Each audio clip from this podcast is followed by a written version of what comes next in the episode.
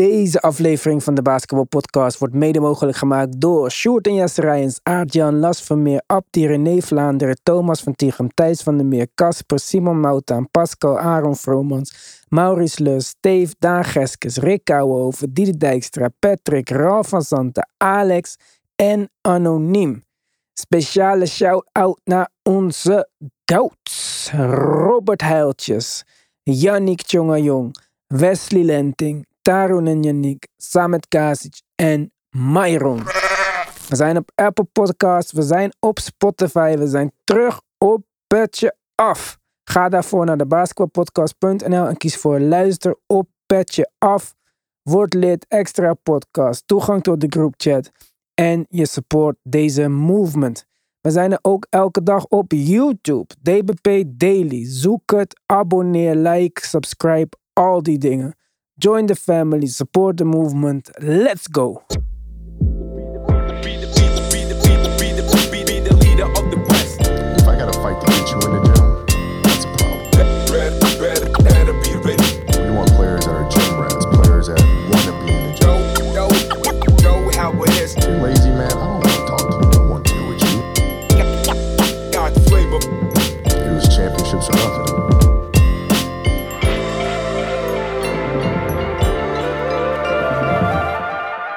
The champions of the world. Denver, no- nee. Duitsland, Tim. ja, ja.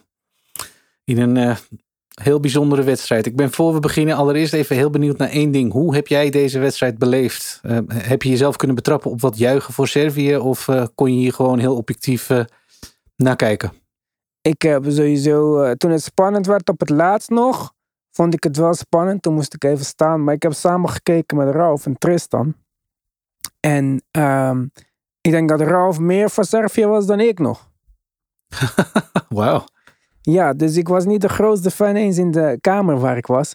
Maar ja, kijk, voor de wedstrijd zei ik nog, onderschat Duitsland niet. Maar ik zei dat meer omdat ik dacht, onderschat ze niet. Maar ik had ook niet verwacht dat ze zouden winnen. Ik dacht meer van, het wordt geen blowout voor Servië. Dus ik was wel een beetje verbaasd. Zelfs in het vierde kwart nog eh, zei Tristan, ja, niks aan de hand, ze komen wel terug. Nou, potverdikje, ik had dit toch echt niet verwacht. En Servië had ook genoeg kansen nog op het laatst om er iets aan te doen. Maar eh, het, mocht niet zo zijn. En ja, het mocht niet zo zijn. Duitsland was gewoon goed. Dus eh, ja, wereldkampioenen. Eindelijk de wereld veroverd. Ja. Eind goed, al goed. Eerste keer wereldkampioen. Dat zou het sowieso worden. Maar ehm, ja, ik, ik, had eigenlijk wel hetzelfde inderdaad. Ja. Ook ik had van tevoren zoiets van, nou, volgens mij, maar misschien zit ik dan een beetje in de verkeerde hoek, was Servië toch licht favoriet.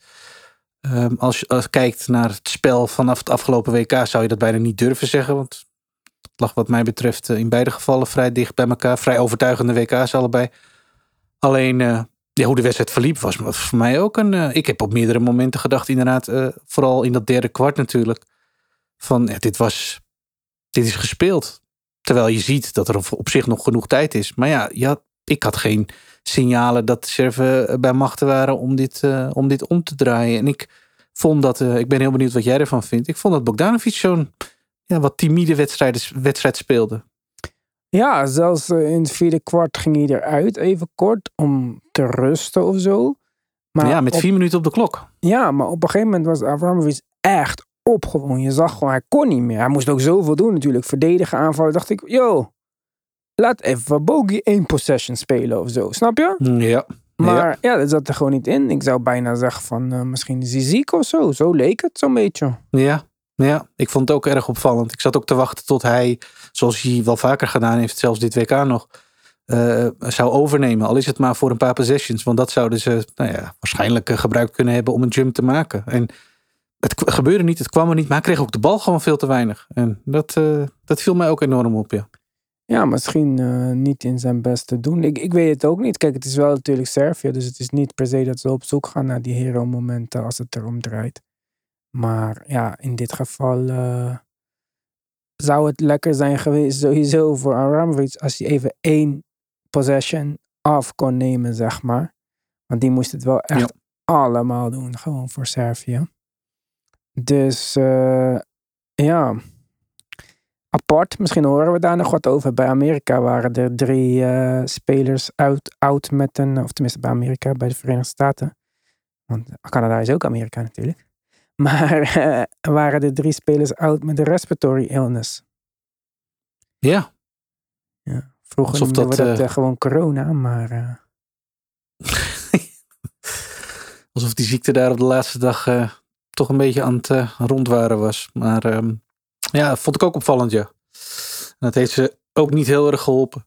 hey, maar over, over, over die finale uh, aan zich. Um, ik wil even bij Servië blijven, want ik ben wel even benieuwd naar. Uh, want ik vond Je wil het er even in wrijven. Nee, dat weer dan ook weer niet. Dat zou ik wel. Maar ik vond het in zoverre opvallend, omdat de verwachtingen natuurlijk best hoog waren. Bij mij is persoonlijk ook. Dat ik ze überhaupt niet. Um, nou ja, bijna niet zichzelf vond. Was dat wat jou betreft voornamelijk Duitsland? Of, of lag dat ook gewoon een beetje aan henzelf? Nou ja, kijk, vroeg in de wedstrijd viel Dobridge out natuurlijk. Met een, uh, wat was het, enkel denk ik? Ja, door zijn enkel. Ja, ik weet niet eens wat de officiële blessure is. Maar uh, ja, dat was een groot gemis. En uh, ja, ze, hadden kansen. Ze hadden een paar domme turnovers op het laatst. maar ik vind niet dat je kan zeggen dat Servië het weg heeft gegeven of zo. Ja, Duitsland heeft gewoon beter gespeeld over vier kwarten. En ook niet foutloos, maar wel met minder fouten. Ja. Denk ik. Was je onder ja. indruk? Ja, nee, ja, dat, dat lijkt mij. Dat was ook een beetje mijn conclusie. Ja. ja. Dus ja. Uh, ja. Was je onder de indruk van uh, Mr. MVP Schreuder? Uh, jawel, maar ik vond dat het niet. Kijk, ik denk wel dat Schroeder de MVP was, ja. Maar ik vond nou ook weer niet dat hij deze wedstrijd en de vorige wedstrijd trouwens, of die daarvoor met kop en schouders erbovenuit stak. Ik vond de Wagners goed. Ik vind die Opst goed. Opst, Opst, wat is het? Opst, ja, die shooter. Ja, ja. Die is goed. De, ja, ze speelden goed. Ik vond, ik vond soms juist uh, ik zeg niet nogmaals dat hij niet de terechte MVP is of zo. Ik heb niet echt per se een mening over wie de MVP van Duitsland is. Denk dan hij, ja. Maar um, ja, ik, ik vond zelfs dat ze nog een beetje te veel naar uh, hem als de solo balhandler gingen. Ja. En dat ze op het best ja, waren wel... als ze gewoon uh, teambasketbal speelden. Ja, dan waren ze gevaarlijk. Dat solo, dat, ja, dat ging uh, in principe goed. Tenminste, 20 seconden van de klok wist Avramovic altijd wel uh, voor hem te blijven. Dus ze waren nog verrassender en gevaarlijker, denk ik, als de bal rondging. Of ze deden gekke dingen met Thijs en Wagner. Ja. Ik vind Frans Wagner ja, vond ik ook goed deze wedstrijd. Ja. Ja, die heeft toch een groot deel van dit WK gemist. Maar sinds hij er is, eh, doet hij uh, erg goede dingen. Ja, en ja, die Mo, Mo, Wagner vond ik ook wel goed. Thijs ja. nam een beetje te veel drie punten, naar mijn mening. Ja, heeft uh, denk ik wel aardig wat vertrouwen getankt. Want los van deze wedstrijd, tenminste laat ik het anders zeggen. Op, op, als je op basis van deze stats zou kijken naar deze wedstrijd, heeft hij het niet zo heel indrukwekkend gedaan. Maar ik denk dat hij een zeer indrukwekkend toernooi heeft gespeeld. Ik denk echt, eh, ik weet niet wat jij ervan vindt, maar wat mij betreft zit hij bij de betere centers van dit WK.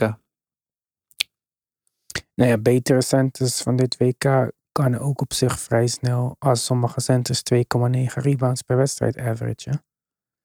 Maar, uh, shots fired.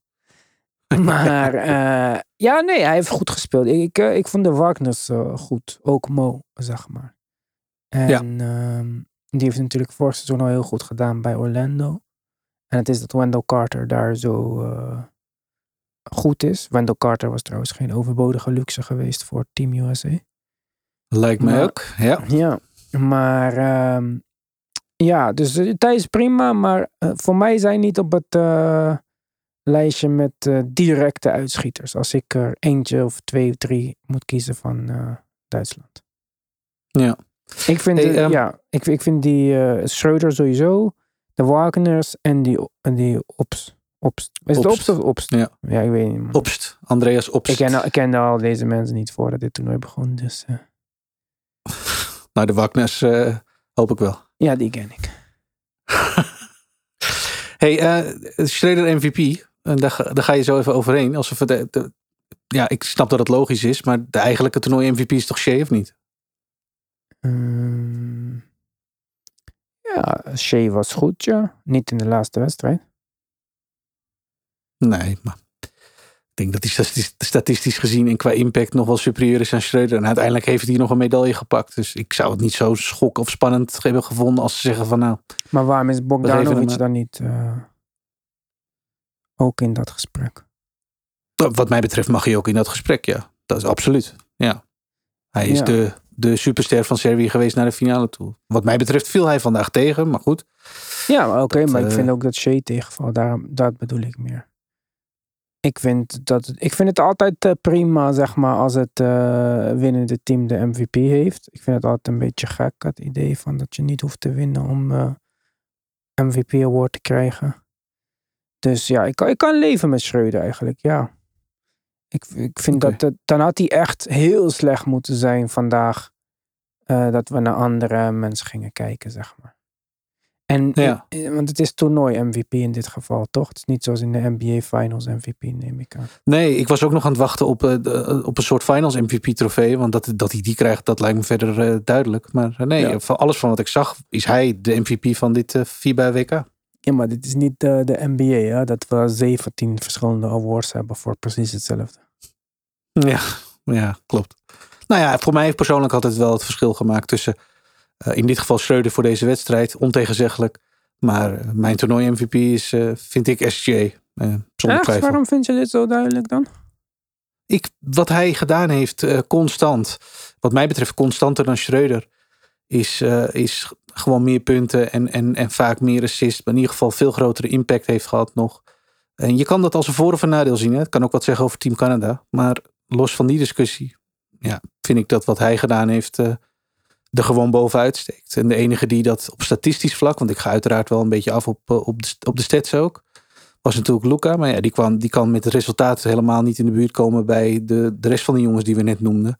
Een SGA, een Schreuder of een Bogdanovic. Wat mij betreft zijn zij de top drie kandidaten voor, eh, voor toernooi MVP. Omdat hun teams het ook nog eens goed deden. En juist omdat SGA nog de bronzen plak weet te pakken. Het wordt natuurlijk alweer moeilijk als je zegt, ja, hij is vierde geworden. Dus wat heeft hij gedaan?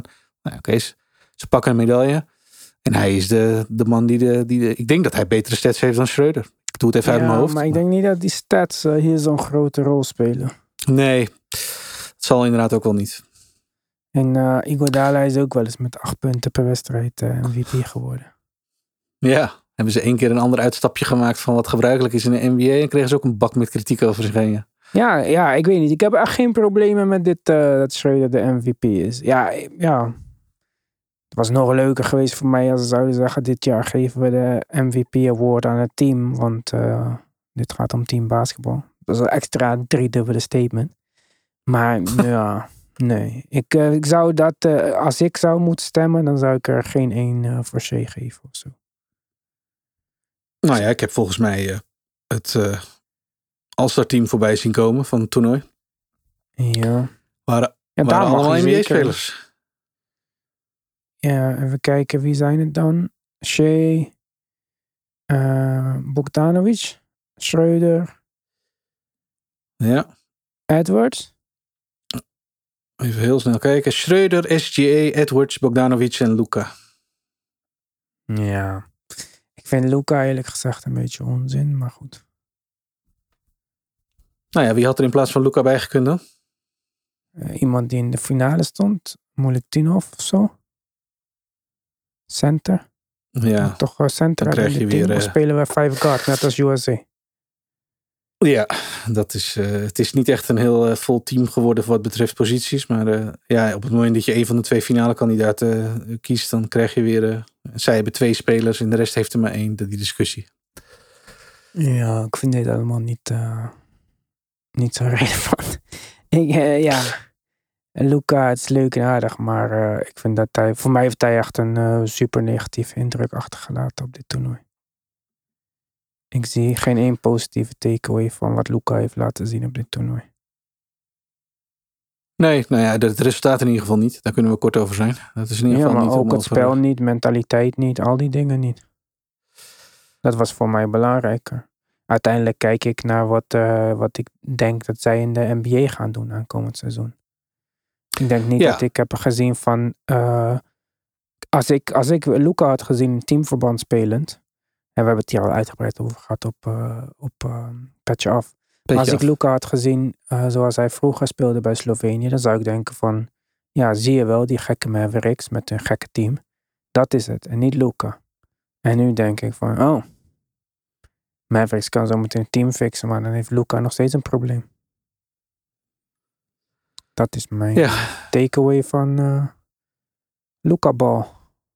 Ja. Nou ja, laten we dat dan verplaatsen naar de, de, de absolute MVP. Want dat is net zo goed een interessante case, vind ik in ieder geval. Naar hoe zich dit gaat vertalen naar eh, de NBA. Want vorig jaar heeft hij met Eurobasket, en dan heb ik het over Schreuder. Vorig jaar met Eurobasket was hij natuurlijk op dat moment nog free agent. En heeft hij zichzelf in feite naar een nieuw contract gespeeld op dat moment. En het best wel goed gedaan afgelopen seizoen. Mhm. Toch weer free agent geworden en naar Toronto gegaan. Zie jij, zie jij nog iets in deze Schreuder wat positief kan zijn voor Toronto? Of is het juist weer een probleem dat hij zich eh, weer moet gaan settelen naar een, nou wat zal het zijn? Wordt hij startende point guard? Wordt hij six man in Toronto? Ik denk dat hij gaat starten, toch? Wie moet anders starten? Ja, Scotty heeft de bal toch? Ja, oké, maar eh, er moeten spelers op het veld staan, toch? Ik, Ja, dat eh, snap ik. Maar Schreuder of bal, dat. Ja. Ja, maar ja, bij OKC Welke- speelde hij met drie guards. Dat ging ook prima, toch? Toen wel, ja, maar sindsdien heb ik Schreuder nooit over, anders overtuigend gevonden dan als hij eh, het een en ander kan bepalen of de bal in zijn hand heeft. Een van de twee. Ja, kijk, ik eh, denk niet dat dit toernooi Schreuder opeens meer zelfvertrouwen heeft gegeven. Ik denk dat deze jongen een barst van het zelfvertrouwen. En, eh, Ik denk niet dat hij nog, dat zijn ego nog geboost kan worden. Die is echt level 99, denk ik. Dus ehm, nee, ik, eh, ik voorzie dat niet. Dat het een probleem zou gaan kunnen vormen voor eh, Toronto. Ik denk alleen Nee. maar dat Masai nu zoiets heeft van... eh, haha. Ja. Hey, eh, even wat anders dan, want ik heb de eerste helft zitten kijken van Amerika-Canada, de bronzen medaillewedstrijd. Daarna moest ik weg. Ik denk, nou, ik ga Iwan wel vragen wat ik heb gemist, want ik kreeg natuurlijk wel in de Ja. gaten dat ik uiteindelijk wel iets gemist heb. Ik wou net zeggen, ja. Ja. Maar eh, hoe zou jij het omschrijven? Behalve, ik heb, eh, oké, laten we zeggen, ik heb twee dingen gezien. Die eh, gelijkmaker van Michael Bridges om overtime te forceren en, en de bal van Shea in overtime die die raakte. Maar los daarvan, wat, wat, wat heb ik gemist? Ja, eigenlijk, kijk, ik denk dat het contrast gewoon heel groot was tussen deze strijd om de derde plek en de eerste. Aan de ene kant hadden we twee teams die maar weinig eh, van strategie dingen deden en gewoon hun individuele kwaliteit lieten spreken en een beetje om de beurt probeerden aan te vallen zonder dat daar voor mij, naar mijn mening verder iets van een filosofie achter zat. En in de tweede wedstrijd was het omgekeerd eigenlijk. Nou, op die paar uh, van Dennis Schreuder. Maar eh, wat heb je gemist? Nou ja, een heel spannend einde dus. Het leek erop dat eh, Canada comfortabel eh, ging winnen. En ja, er, kwam op het einde gewoon een play eh, wat ik nog nooit zo succesvol heb zien gaan als eh, hier. Mikael Bridges eh, nam twee vrije worpen. Iedereen zei, ja, hij gaat de tweede zeker missen. Ja, hoe vaak heb je dit gezien dat iemand de vrije worp probeert te missen? En dan krijgen ze of de rebound niet. Of hij gaat er alsnog per ongeluk in. Hè? Dat zal je ook altijd zien. Nou, deze man mist hem. Hij gaat eigenlijk naar de perfecte plek voor een eh driepunter van de zijkant. Hij pakt de rebound. Hij schiet een fadeaway en hij schiet hem gewoon raak. Ja, ik zat echt zo te kijken van ja, dit, dit was gewoon dit. Soms zegt toch wel eens eh, de NBA scripted of zo, basketbal is scripted. Nou, zelfs als Ja. dit scripted was, dan kon het niet, eh, dan, alleen God kan het zo eh, maken, zeg maar. Ja, ja, ja. Als hij dit nu, als, hij is, als ze zeggen van je krijgt 1 miljoen als je dit nog vier keer in, in de training na kan doen, zonder andere mensen op de vloer, dan denk ik dat het niet lukt. Nee, bizar ja. Dus dat was echt, eh, dat was heel bizar. Ik vond het einde heel slecht. eh, ik vond RJ Barrett heel slecht, of tenminste heel slecht. Hij irriteerde me veel, omdat veel van de tekortkomingen die eh, hij bij de Knicks heeft laten zien, waarvan ik had gehoopt dat er aan werd gewerkt, in ieder geval in de offseason, in de zomer en ook eh, hier met Team Canada, uh, kwamen weer naar boven. Hij kan niet finishen met eh, rechts, wat er ook gebeurt. Zijn schot, ik heb het daarover gehad in de dailies. Het leek erop als hij wat lager van de grond kwam, wat minder ver vooruit sprong. Ik zag hem weer een paar beetje ongecontroleerd met zijn lichaam drie punters nemen. Maakte twee keer een overbodige fout, vond ik. Twee, ook één op Bridges volgens mij voor vrije worp. Ik weet niet of het een drie punten was en well, iets. En dat vond ik heel slordig. Uh, Shea was niet op en top. Um, ja, wat waren mijn takeaways? Ik vond het uh, heel gek dat Team USA uh, de closing minutes speelt met vijf guards. Op een gegeven moment wou ze Josh Hart inbrengen. Ik dacht, nou, uiteindelijk Reeves eruit. En dan brengen ze hem voor Bobby Porters, geloof ik dat het was. Kijk, oh, ja. uh, we, hebben het er petje af over gehad. Het gat is groter geworden qua tactisch vermogen tussen Europa en Amerika. Maar Kerr, Spoelstra en Lou, ja, dat is wel de, de top van de NBA een beetje. Dus ja, die hadden toch iets beters moeten verzinnen, denk ik. Ik vond het heel teleurstellend, want kijk, het is eh, de laatste wedstrijd van het toernooi. Je hebt een, uh, een, toch een x-aantal wedstrijden gespeeld. Ik uh, zag geen enkele iets waarvan ik zou denken van nou hier bouwen we op verder. Ja, behalve misschien dat ik zou denken Edwards en Halliburton is het backcourt for the future of zo. Ja. Ja, want ik, ik, dat was ook een beetje mijn, um, mijn twijfel die toesloeg. Omdat ik als eerste die highlight van Michael Bridges zag. En dus dacht, oh, Amerika heeft uh, overtime geforceerd. Ja. En later pas in de gaten kregen dat Canada uiteindelijk weer won. En wat je nog wel eens natuurlijk ziet, is, uh, is dat zo'n nou ja, zo'n heroïsche manier van overtime forceren je in een soort momentum Zeker, brengt. had die klap dan... kunnen zijn, die knockout gewoon. Ja, maar nou, niks is minder waar. Canada won uiteindelijk nog. Dus Amerika was, viel, verviel gewoon weer in um, het matige spel van daarvoor? Of hoe moet ik dat zien? Um, ja, eh, nogmaals, ik denk gewoon dat er niet echt een uh, filosofie was in het Amerikaanse team. Nee. Het, het is gewoon uh, ja, om te beurt proberen. En ja, dat gaat, kan soms ook vier keer op rij misgaan. Er is niks om op terug te vallen, Tim. Er is geen uh, defense echt die staat. Geen, geen manier van defenden. Ze, ze, kunnen volgende keer wel dan tips meenemen. Misschien kan die in ieder geval een, een defensive filosofie bedenken voor, uh, voor dit team. Ja, ik vond het allemaal, ja, ik vond het echt allemaal heel teleurstellend. Ook dat ja. het nog in deze wedstrijd. Weet je, ga je nou eruit, maar je hebt laten zien dat er ehm, hoop aan de horizon is, zeg maar. Maar dat vind ja. ik dus absoluut niet het geval. Nee, dan moeten we denk ik alleen nog maar meer bang worden dat ze vanuit Team USA gaan zeggen volgend jaar Olympics Parijs. Prima, we halen alle grote jongens van stal, want uh, dit team... Ja, prima dit... Tim, nog één keer en dan. Ja, precies. Dan moet je weer terugvallen op de Dan ga je dus de generatie deze de spelers dan? Ja, want Halliburton ja. en Edward zijn hierna dan de sterren, neem ik aan. Onder andere natuurlijk zullen er meer zijn. Misschien Bankero. Maar kijk, uh, hoe, ik denk dat uh, LeBron is uh, bij het volgende Olympic ding is hij 39. KD wat? 36. Steph 7, 38. Ja, oké. Okay, nou, laatste keer. Nou, veel plezier dan. Het is dan misschien de ja. laatste keer dat je nog het verschil kunt maken dat jij nog de meer getalenteerde spelers heeft, hebt. Want als die KD, Steph en al die soort mensen stoppen, dan is straks de hele top 10 van de NBA niet uh, USA-spelers.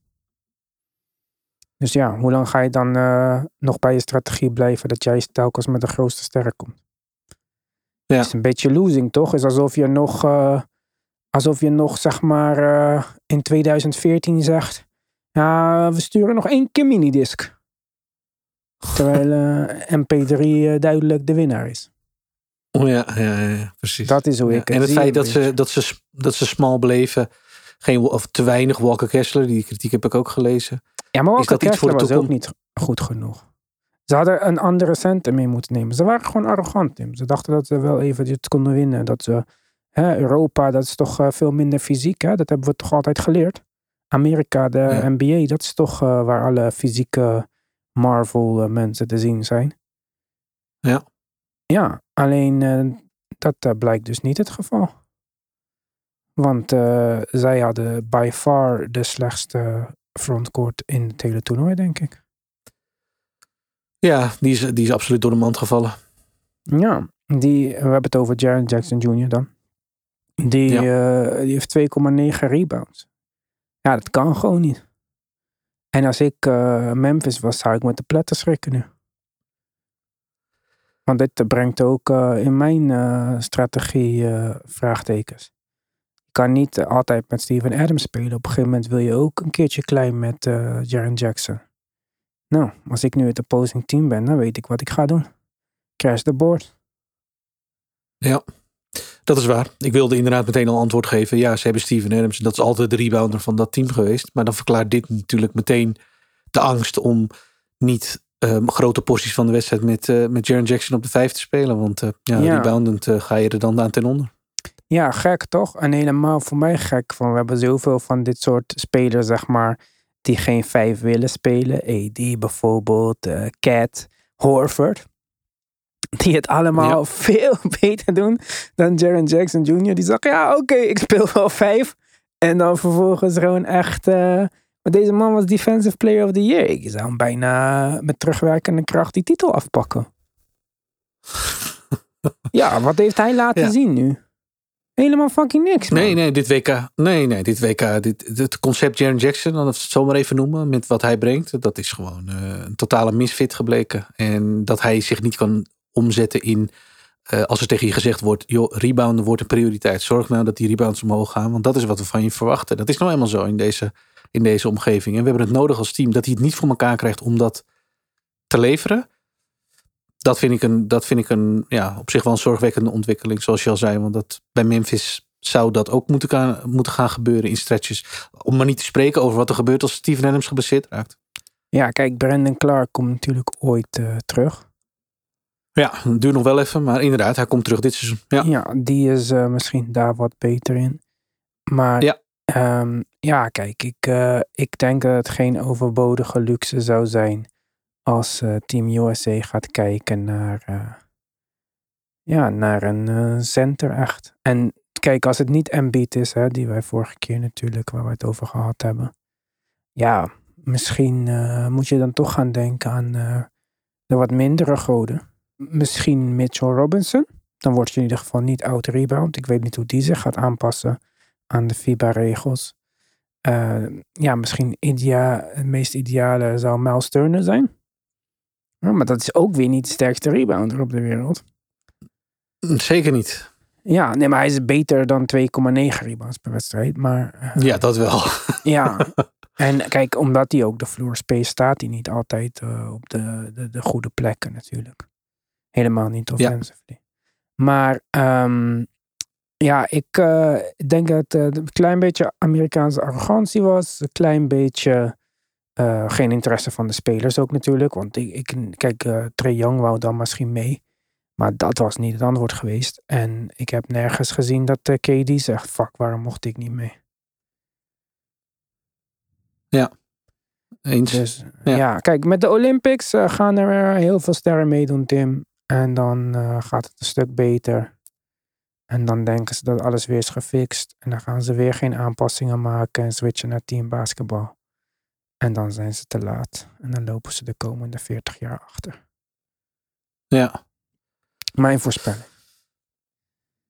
Wie, eh, wie vanuit dit. eh, nou, la- laat ik het even beide doen. Team USA, Team Canada. Wie van de spelers gaat de grootste jump maken in de NBA als het gaat om eh, voorborduren op dit WK? Nou, niet RJ Barrett. Nee. Ehm, even kijken. Austin Reeves ook niet. Nee, ik eh, van Aston Reeves, eh, ik, ik heb het dan naar je gecommuniceerd. Ik denk dat Aston Reeves het moeilijk gaat krijgen dit jaar. Ja. Ehm Shea misschien? Niet dat Ja, hij het is een eh, problemen had, maar eh, Nee, dat is een beetje het punt. Hij was al een 30 plus punten per wedstrijd scoren natuurlijk. Dus ja, Ja. welke jump kan hij nog maken? nou ja, hij kan de jump maken naar leader van zijn team. Hè, want dit is ook wat we van hem nodig hebben dit seizoen. Het is niet alsof de- dat je zegt van, oh ja, maar er zijn nog eh, Haslims en zo op dat team. Nee. Nou, dat is waar. Dus als hij de leader van zijn team kan worden, ja, dan kan er misschien wel iets eh, spectaculairs gebeuren. En als je iemand van Team USA moet kiezen? Ja, eh, mijn eerste keuze zou Anthony Edwards zijn. Was het niet dat hij op de Timberwolves speelt en dat dat eh, een beetje kansloos is. Ja, precies. Want Cat is ook gewoon weer terug daar. Ook van een goed WK afkomend. Niet alleen dat, van een goed WK afkomend. Maar uh, het is ook nog steeds Gobert die van een niet goed WK afkomt. Dat en, is waar. Ja, het is, dat is, kijk, ik zeg niet dat het niet zijn team gaat zijn of zo. Want het, het kan dat het meer zijn team wordt uh, volgend seizoen. Maar het is gewoon niet zo clear cut daar. Nee, dat is waar. Ja. Ja, dat, is, dat wordt voor hem wel, uh, wel moeilijk. Of om, om nou, trouwens voor hem. Ik ben heel benieuwd hoe Ket zich daarin opstelt. Want ja, die heeft natuurlijk vorig seizoen ook gezien hoe dat, er, uh, hoe dat eraan toe ging toen hij geblesseerd was met, met Edwards. En steunde dat volgens mij ook wel. Maar ja, hij heeft ondertussen wel een, ja, toch wel een succesvolle run op het WK gemaakt. Dus zal misschien ook wel uh, bij de Timberwolves binnenkomen met het idee van... Uh, ik kan ook nog wat. Ja, of dat goed samen ja, hij kan ook zeker wat. Ja. Hij, hij heeft echt goed gespeeld. Alleen, ja, ik, ik weet het niet zo goed. Je weet dat ik niet de grootste fan ben van Cat. Dus ik vind het dan ook uh, heel moeilijk om in te schatten, zeg maar, ja, hoe ik Cat zie in de NBA. Zijn probleem was heel vaak, naar mijn, naar mijn mening, een beetje zwakke mentaliteit, opgeven en zo, weet je wel. Ja. Ja. Ik, ja, ik, ik vind het heel moeilijk, Tim. Ik, uh, niet alleen denk ik dat het lastig wordt bij de Timberwolves. Ik, ik zou ook niet gewoon daar uh, met de scepter willen zwaaien. Want ik zou het ook niet 1, 2, 3 kunnen oplossen. Ik denk dat Cat, Gobert en Edwards alle drie niet met elkaar moeten spelen, zeg maar. Ja, dat is wel een vrij bazaal probleem dan voor de Timberwolves, ja. Als dat de conclusie ja, gaat snap zijn. je? Als dat, ja, dat, dat is mijn conclusie. nogmaals, dat hoeft niet iemand anders conclusie te zijn. Andere mensen geloven daar misschien nog wel in. Maar ik niet. Nee. Dus nee ja, als dat mijn conclusie is, wat verwacht je dan uh, wat er gaat gebeuren? Want dat gaat sowieso niet gebeuren. Dat ze allemaal, uh, of dat twee van de drie getraind worden. Denk ik. Nee. Zie ik ook niet gauw gebeuren. Nee, dat is een probleem. Inderdaad, dat is moeilijk. Maar wat zou jij doen? Zou je, kijk, oké, okay, misschien uh, gaan we niet nu overhaaste dingen doen. Maar zou jij oprecht, gewoon als je daar in het front office was, denken van ja, waarom niet nog een keertje het seizoen beginnen met, uh, met deze drie? Nou, dat ze dat doen vind ik niet zo gek. En dat heeft een hele simpele reden. Cat is zo lang geblesseerd geweest afgelopen seizoen... dat ze eigenlijk niet echt een goed beeld hebben van wat deze drie... Anthony Edwards, Cat en Gobert samen... nou echt kunnen over de course van een season. Ervan uitgaande dat ze um, heel blijven uh, komend seizoen... snap ik dat ze bij de Timberwolves zeggen... ook met al het geld wat erin zit kijk maar of het wat wordt. Ik denk wel, tenminste daar ben ik van overtuigd, dat als er eentje gaat uh, vallen, dan is het Cat. Dan wordt Cat getraind. Als blijkt dat dit niet werkt, de vraag is alleen hoe snel trekken ze die conclusie? Spelen ze het hele seizoen uit? Of nou ja, gaan ze in februari, als, uh, als de Timberwolves een losing record hebben en uh, de kritiek aanzwelt, um, gaan ze dan al met hem de markt op? Daar ben ik heel benieuwd naar. En waarom denk jij Cat en niet uh, Gobert? Omdat Gobert een veel te slecht contract heeft. En ik denk oprecht wel dat er nog wel teams zijn die zeggen: uh, Cat willen we wel met, met, met zijn aanvallende potentie. Oké, okay, en stel je voor hè, dat het bij uh, Dallas niet, niet loopt. Dat we eigenlijk, ja, zeg maar, laten we zeggen, in begin januari op hetzelfde level spelen als uh, sinds de Kyrie trade nog steeds. Ja. En Minnesota belt. En die zegt uh, Gobert voor Kyrie.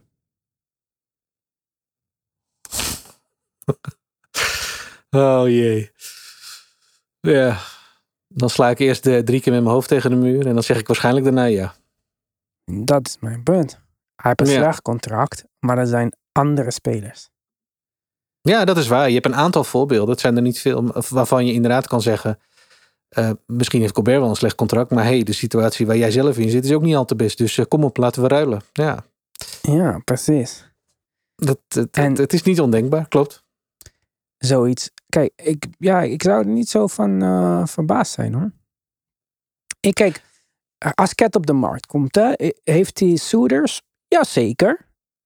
Maar de, je had altijd een team als de Knicks, toch? Die dan als zo'n ster op de markt kwam echt... eh, dat je altijd wel kon rekenen op een eh, te hoge prijs. Ja. Maar de Knicks doen dat niet meer. Welk ander team denkt... Ja, Cat, die moeten we hebben. Als we die hebben, dan, eh, dan zijn al onze problemen opgelost. Kijk, Cat is zo lang in de NBA. Ik denk dat het een beetje questionable is of hij ooit een winning player gaat zijn. Dus dat betekent niet dat als hij nu free agent was, dat hij nergens kon tekenen of zo. Maar wie nou echt de bank gaat breken voor hem, dan wordt het misschien nog een makkelijkere oplossing om Gobert voor een Kyrie. Ik zeg niet dat dit een ideale fit is of zo hè, voor eh, Minnesota, want dan hebben zij ook eh, weer minder de bal in de handen van Anthony Edwards, misschien. Maar ik weet niet of die markt voor Cat echt is wat wij denken. Of wat het misschien ook in het verleden zou zijn geweest. Drie jaar geleden zouden de Knicks zeker eh, de hele schatkist hebben aangeboden voor Cat. Als Ja. beschikbaar was geworden. Ja, nou, waar ik een beetje op gok is. ehm, als je met Colbert de markt op gaat tegenover met Cat, heb je eigenlijk twee uitersten te pakken. Eén, een jongen die eh, aanvallend gewoon nou ja, voor zijn size best, best gifted is. Maar verder, inderdaad, vooralsnog geen winner. En wat mij eh, heel veel rode lampjes eh, ging, deed afdoen, was zijn performance in de playoffs. Ik denk dat het vorig seizoen was, ik me goed herinner, waarin hij ook gewoon domme dingen deed. Continu in foul trouble kwam, turnovers. Hij kreeg het niet voor elkaar om een soort reliable speler te worden. Die eh, wederom, als er dingen niet vallen, als er schot niet valt of hij wordt fysiek aangepakt, niet voor elkaar krijgt om te zeggen, nou dan ben ik in ieder geval niet de speler die blijft proberen en de bal weg blijft geven. Of hij maakte van die domme fouten ook, herinner ik me. En Ja. daarvan, ja, daarvan denk ik altijd, dat vind ik. En ik vind Gobert daarin, nou, misschien wat meer ervaren. Of hij is die speler ook gewoon niet. Hij hoeft de bal niet in zijn handen. Nou. Dus Ja, maar hij was ook niet best hoor. De laatste paar keer dat hij een goede indruk kon achterlaten, heeft hij het ook niet echt gedaan, vind ik. nee. Nee, het is, het is, het is van, beide, van beide zitten er grote mitsen en maren aan. Eh, alleen ja, kijk Gobert naar Gobert. In... Ja, maar kijk, wat heeft hij gedaan in de playoffs vorig jaar? Ja, klopt. Hij valt, hij valt vooralsnog heel erg tegen. Dat is, dat is ontegenzeggelijk zo. Je weet dat je de komende vijf jaar in het Westen te maken krijgt met de Nuggets. Nou, we hebben net het bewijs gezien dat hij daar geen enkele invloed op heeft. Nummer één ding wat hij zou moeten doen: verdedigen op zijn positie. Dus hij heeft zich bewezen kansloos te zijn. Oké.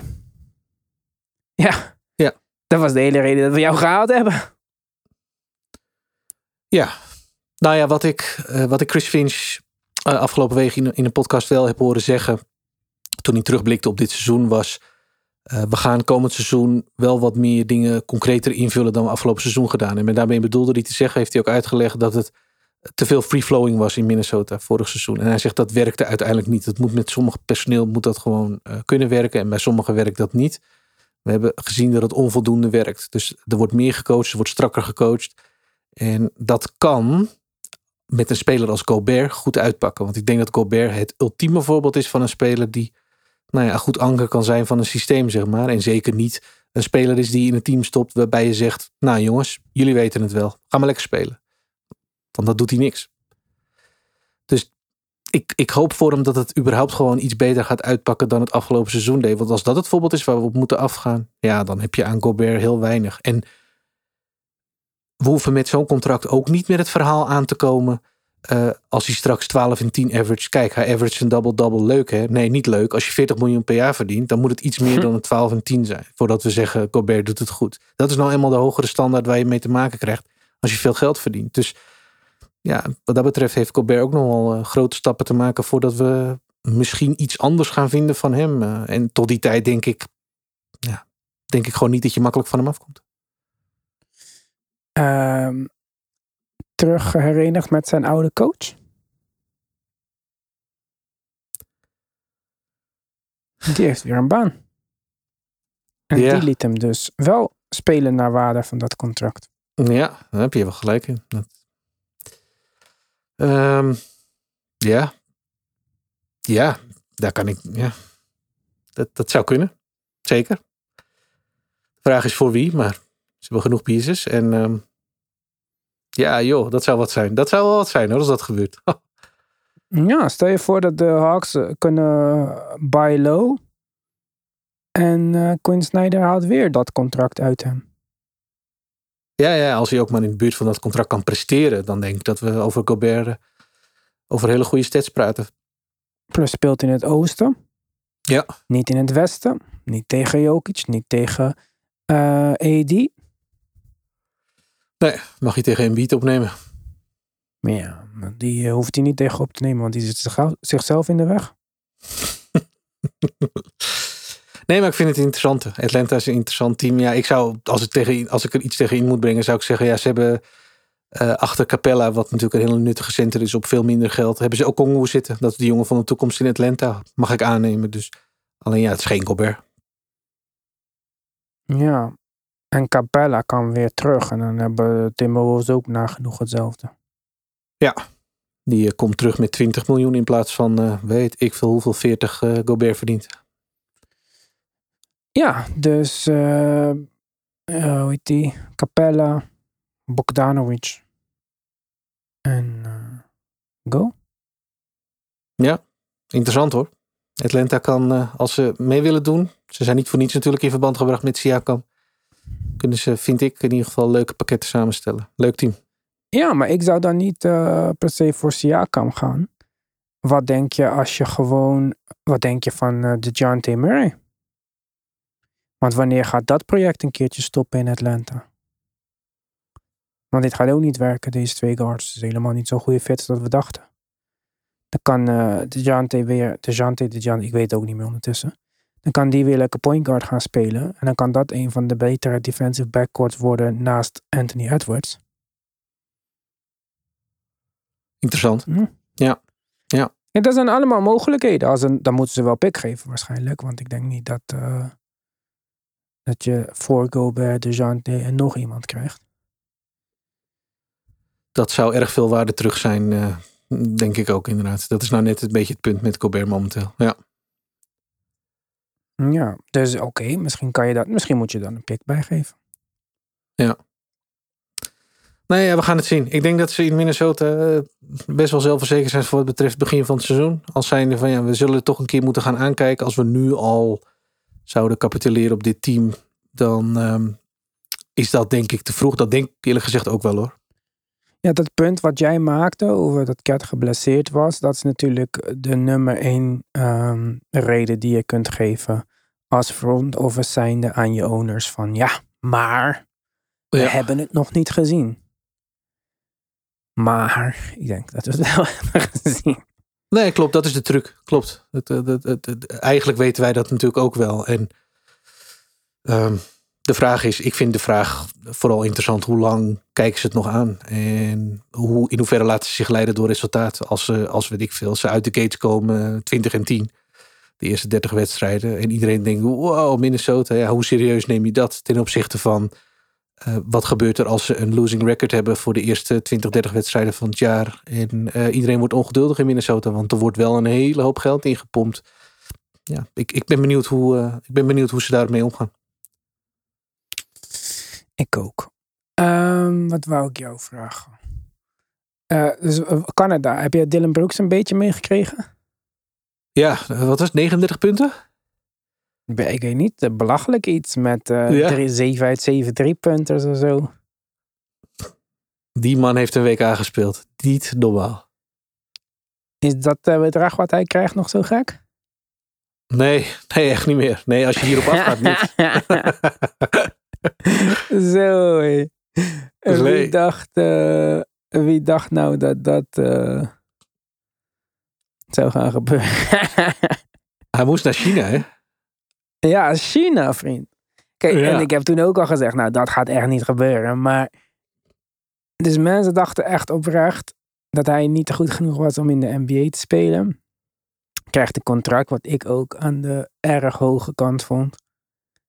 En als hij zo speelt volgend jaar, als hij gewoon ietsje kalmer blijft. Hij zei ook, ik kruip in de rol van de villain, net zoals Kobe deed in de rol van eh, Mamba.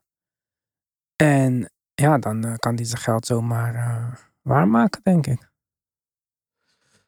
Ja, ik, ik, ik ben eh, wantrouwig. Ik ben heel benieuwd. Maar het recept bij Dylan Brooks, of de voorwaarden, laat ik het anders zeggen, die blijven wat mij betreft gelijk. Ja, hij heeft een heel goed toernooi gespeeld. Ik denk dat hij dat ook wel nodig had. Dus dit doet zijn vertrouwen heel erg goed. Maar het blijft een verhaal met, we weten wat hij brengt. Alleen, ja, neem niet van die domme schoten en probeer eh, hè, daarin iets, iets behoudender te werk te gaan. Want dan zijn, blijven je percentages ook een beetje overeind. Dat hij kan verdedigen, dat wisten we. Dus wat mij betreft heeft hij... eh, vooral dit WK laten zien wat hij nou ja, op een goede dag, op een goed toernooi aanvallend kan. En ben ik heel benieuwd hoe zich dat gaat vertalen naar de NBA. Als hij zo nog drie punten wil nemen van verder weg op een team zit. Niet als Team Canada.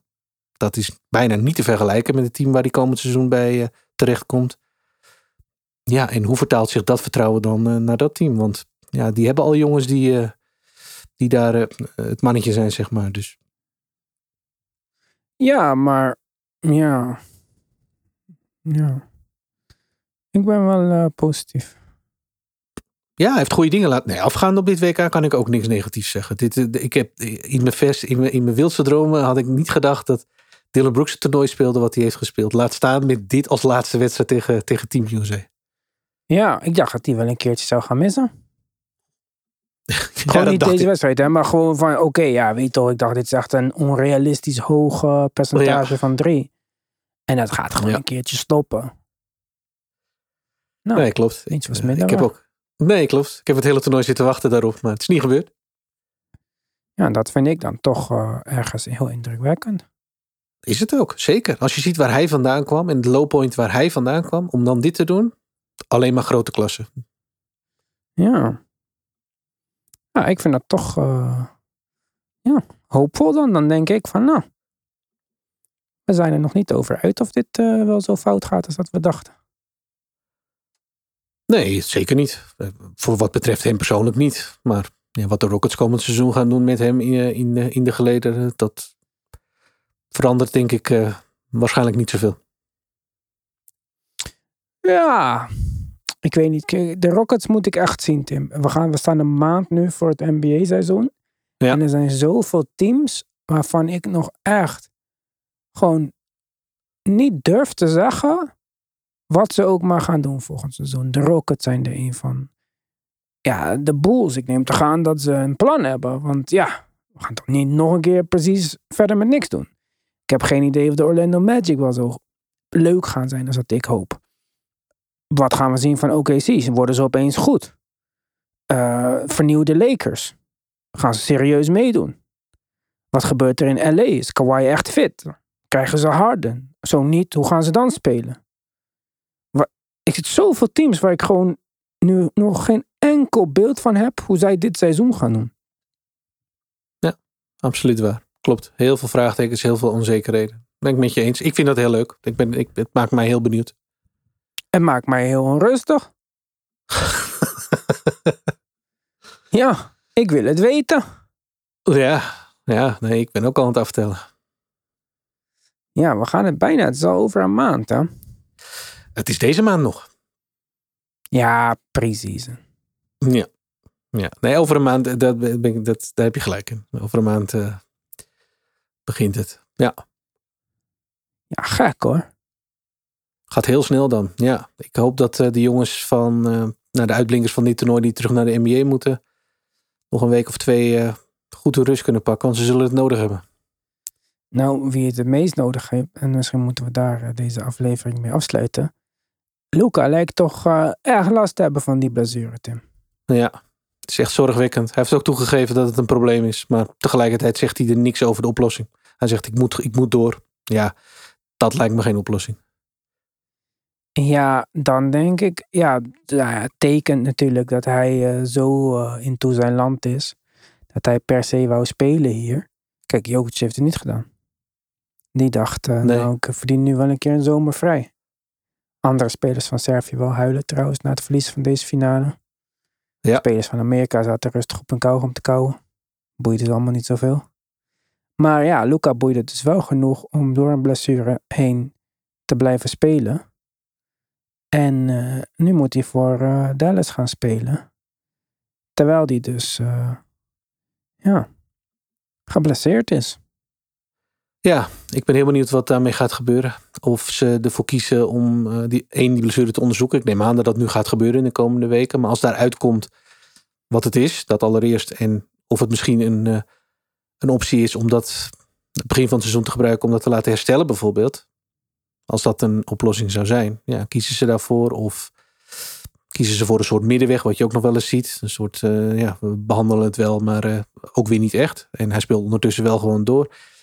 Ik weet niet, ik vind het een heel moeilijk verhaal. En het, het is wel oprecht iets waar ik me zorgen over maak. Ik, ik, ik hoop dan het allerbeste, maar ja, toen hij zelf ook aangaf van het is wel echt een probleem. Toen had ik ook wel zoiets van oké shit, en nu, en nu wat? Wat, wat, wat ga je doen? Wat, wat, uh, wat vindt Dallas hiervan? En zo ja, wat gaan we dan komend seizoen van jou zien? Want ik, ik, ik hoop stiekem nog gewoon dat het een kwestie is van bij wijze van spreken de eerste twee maanden van het seizoen uitzitten dan hersteld zijn en dan gewoon kunnen knallen. Liever dat dan dat we met dit issue het seizoen ingaan. Want dan uh, heb ik er weinig vertrouwen in. Ja, maar zelfs dat vind ik niet ideaal. Want ik wil zoveel mogelijk repetition met hem en uh, Kyrie zien. Nee, om daar een beetje een goed gevoel over te krijgen. Ja, is ook zo. Dat is ook wat waard.